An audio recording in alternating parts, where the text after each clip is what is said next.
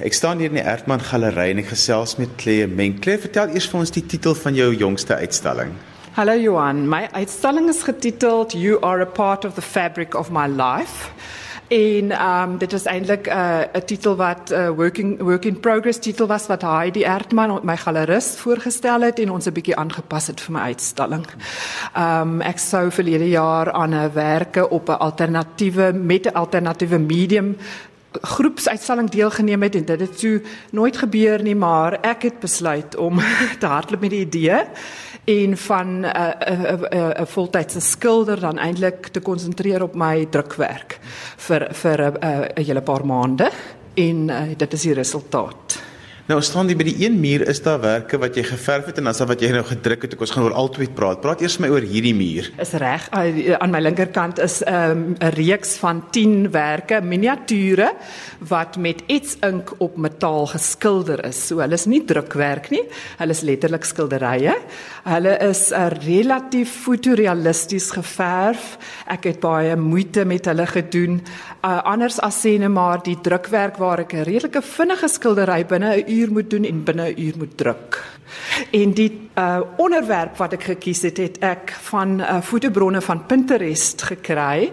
Um, dit handel hier basies oor sideshows en die karakters van die 19de eeu se ehm um, kant aspek van sirkusse wat gereis het um, in veral uh Engeland en Amerika uh miskien ook in Europa en um ek vind die mense absoluut fascinerend. Um hulle het dikwels um miskien um fisiese abnormaliteite gehad of um was uh, gehandicap en um vir my is hulle liggame ongelooflik mooi. Um ek het al terugvoer gekry van mense dat my tema morbid is, maar ek sien dit glad nie so nie. Ek ek kan nie uitgepraat raak oor hierdie mense nie. Kom stap by een van die skilderye toe wat vir jou uitstaan dan vertel jy 'n bietjie vir my daarvan. Ek het hierso 'n man geskilder in 'n pragtige 19de eeuse pak.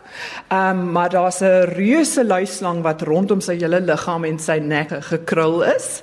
En die rede hoekom dit vir my juis aangespreek het, is boonbehalwe sy ernstige um, gesig met die met die volle snor, die feit dat uh, gewoonlik in die 19de eeu dit uh, vroue was wat snake charmers was en hier het ons nou die teenoorgestelde ja. Kom ons gaan kyk 'n bietjie na die drukwerk. Jy doen dit al 'n rukkie, maar dit is tog vir my iets nuuts in jou in jou werk. Seker. Um net om 'n bietjie te verduidelik uh, van die tegniek. Ek het aan die begin van die jaar vir die eerste keer my eie pers begin gebruik alhoewel ek hom al seker 'n dekade lank het. Um wat 'n groot deurbraak vir my was, dit was nogal 'n blok wat ek moes oorkom. Um dit is 'n uh, monotipes of monodrukke. Um daar's 'n subtiele verskil in definisie, maar ons hoef nou nie daaroor te praat nie. Basies is dit skilderye in ets ink op 'n metaalplaatjie wat 'n mens dan op die bed van die pers sit en 'n klam stuk papier bo-op en dan rol 'n mens dit deur daai druk van die pers En ehm um, jy sit dan met 'n pragtige skildery wat waar daar's sê maar happenings gebeur het wat effens anders is as wat mens verwag dikwels.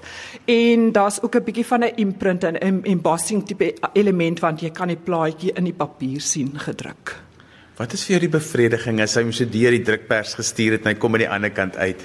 Ek sê vir jou, mens skrik soms want ek is 'n bietjie van 'n control freak oor my skilderye. Daarom het ek nou 'n reeks van miniature ook gedoen. Maar ek moet laat los. Ek moet laat gaan en dan daai tipe van onverwagte dinge wat dan uitkom is pragtig. Sê net maar ek het 'n uh, redelike ou pyk skilderytjie gemaak in pastelle en dan kom dit meer soos 'n waterverf uit. Sulke dinge is vir my baie exciting. Hierdie is my so klein bietjie 'n skuif in jou werk want jy het vir baie lank jou lewe gedokumenteer en dan olieskillerye daarvan gemaak. Vertel bietjie vir ons die skuif in jou werk. Dis waar, ek dink ek is bekend vir my selfportrette, veral my swemmende selfportrette en dan van figure in water en in die natuur en so aan. En dit was my familie en my gesin, my vriende en so aan. Maar ek dink ek ek was desperaat vir verandering en dan met die met die verandering van medium na drukwerk het dan ook die tema uh, half opnuut na my toe gekom. Hoe het kuns jou gevind? O genade, ek teken al van vandat ek 3 jaar oud is op pink tikpapier wat my pa van die werk af teruggebring het en ehm um, dit het my nog nooit laat laat gaan nie. ek ek ek ek, ek uh, het geen ander keuse nie. Dit is my passie. Ek moet wel sê dat ek nou 'n uh, ateljee huis gehuur het in Observatory vir 3 maande. Ek het gewoonlik 'n heerlike groot studio in in Piketberg. Maar ek het ehm um, ingekom in uh, by met 'n audisie in My Fair Lady. Dis nou my ander ehm um, liefde is musiek en sang en ek het toevallig nou maar een van die household staff rolle gekry en ek sing so 'n paar duette en so aan saam met Eliza. So is vir my verskriklik lekker om dit te kan doen en om die ryery uit te sny woon ek en werk ek nou ook hier in Kaapstad. Dit gaan by Artscape wees in Julie, Augustus. So kyk maar uit en koop 'n kaartjie. Claire, wat het vir jou laat besluit dat dit is waarvan jy 'n lewe wil maak? Ek moet sê ek het nie 'n ander keuse gehad nie. Dit is net vir my 'n passie wat ek nie van kan weghardloop nie. Um dit is vir my baie bevredigend om, om te voel dat wanneer daar geldnood is of druk is, dat ek nog steeds iets met my hande kan maak en dit kan verkoop en dit dit het telkens vir my uit ongelooflike tight spots uitgehelp. So ek is baie trots daarop dat ek uh, self-employed is. en en en aan die ander kant is dit ook my manier nie. Dit is dis nie ontspannend in die sin dat dit 'n hobby is nie. Mense misverstaan dit is dit is my werk. En daar's baie aspekte daaraan soos admin en en en, en baie ryery ook betrokke, maar ehm um, wanneer ek in daai ateljee sit, dan zone ek uit en dan kom ek in my so met amper 'n meditatiewe ander space waar ek myself kan uitleef. Watter kunstenaars inspireer jou? Gits. ah, my eksman Johan Lou. en daar's baie skilders waarvan ek hou Baltus, Lucien Freud. Ek hou van die vroue kunstenaars deurgaans want ek voel hulle moes met soveel meer baklei. Uh Paula Modus en Becker het met kindergeboorte uh, gesterf, jy weet, en ek, ek bewonder hulle is my heldinne. Daar's ook vir my verwysings na baie bekende fotograwe en veral die werkies wat jy geskilder het. Dat wil Diane Arbus kom dadelik by my op en nog heelwat ander.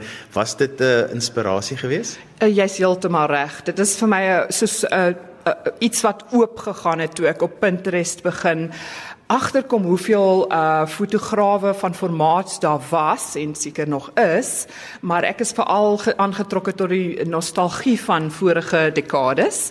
Um en um ek ek het ook 'n jy weet hier en daar 'n film gesien wat my geïnspireer het soos Freaks wat juis oor hierdie mense is um wat in die sideshows perform het en van hier en daar 'n fotograaf. So dit is 'n nuwe wêreld wat vir my oopgegaan het. Vir my is dit uh, eintlik ook 'n challenge om 'n foto te kan skilder in 'n skilderagtige manier maar amper realisties fotografies. Um en tog wil ek graag hê dat jy die kwas herhale kan sien sodat ek is altyd soet van eintlik verskeur tussen daai twee aspekte van my my kuns maak. Nou jy het gesê jy gaan hierdie jaar in My Fair Lady optree. Wat lê nog voor vir jou vir die res van die jaar? Hoe genade dit weet ek nie. Ek dink alles gaan tot 'n halt kom na my lady dan sal ek maar moet besluit. nee, ek is nou so gefokus op uh, my drukwerk. Ek gaan nou eintlik uh, nog 'n werkswinkel by Warren Editions gaan doen. En maar ek wil bitter graag op papier begin werk soos 'n net waterverf skildery is sodat ek so bietjie tussen in 'n medium of oplossing vind vir my skilderye wat skilderwerk my in olie wat nog 'n bietjie moet wag voordat ek terugkeer daarna toe. Is daar spesifieke rede hoekom jy die olie agtergelaat het vir 'n rukkie? Ek dink 'n uh, mens raak 'n bietjie uh moeg miskien vir 'n medium of 'n mens soek inspirasie in 'n nuwe medium. Ek dink dit is baie belangrik en baie waardevol en ek ek het al lank sulke kreatiewe inspuitings gesoek en dan af en toe gevind. Um maar ek moet sê natuurlik het mens dan 'n breuk van daai medium en dan gaan dit um um jy weet jy wag vir die oomblik wanneer dit weer sin maak om terug te keer.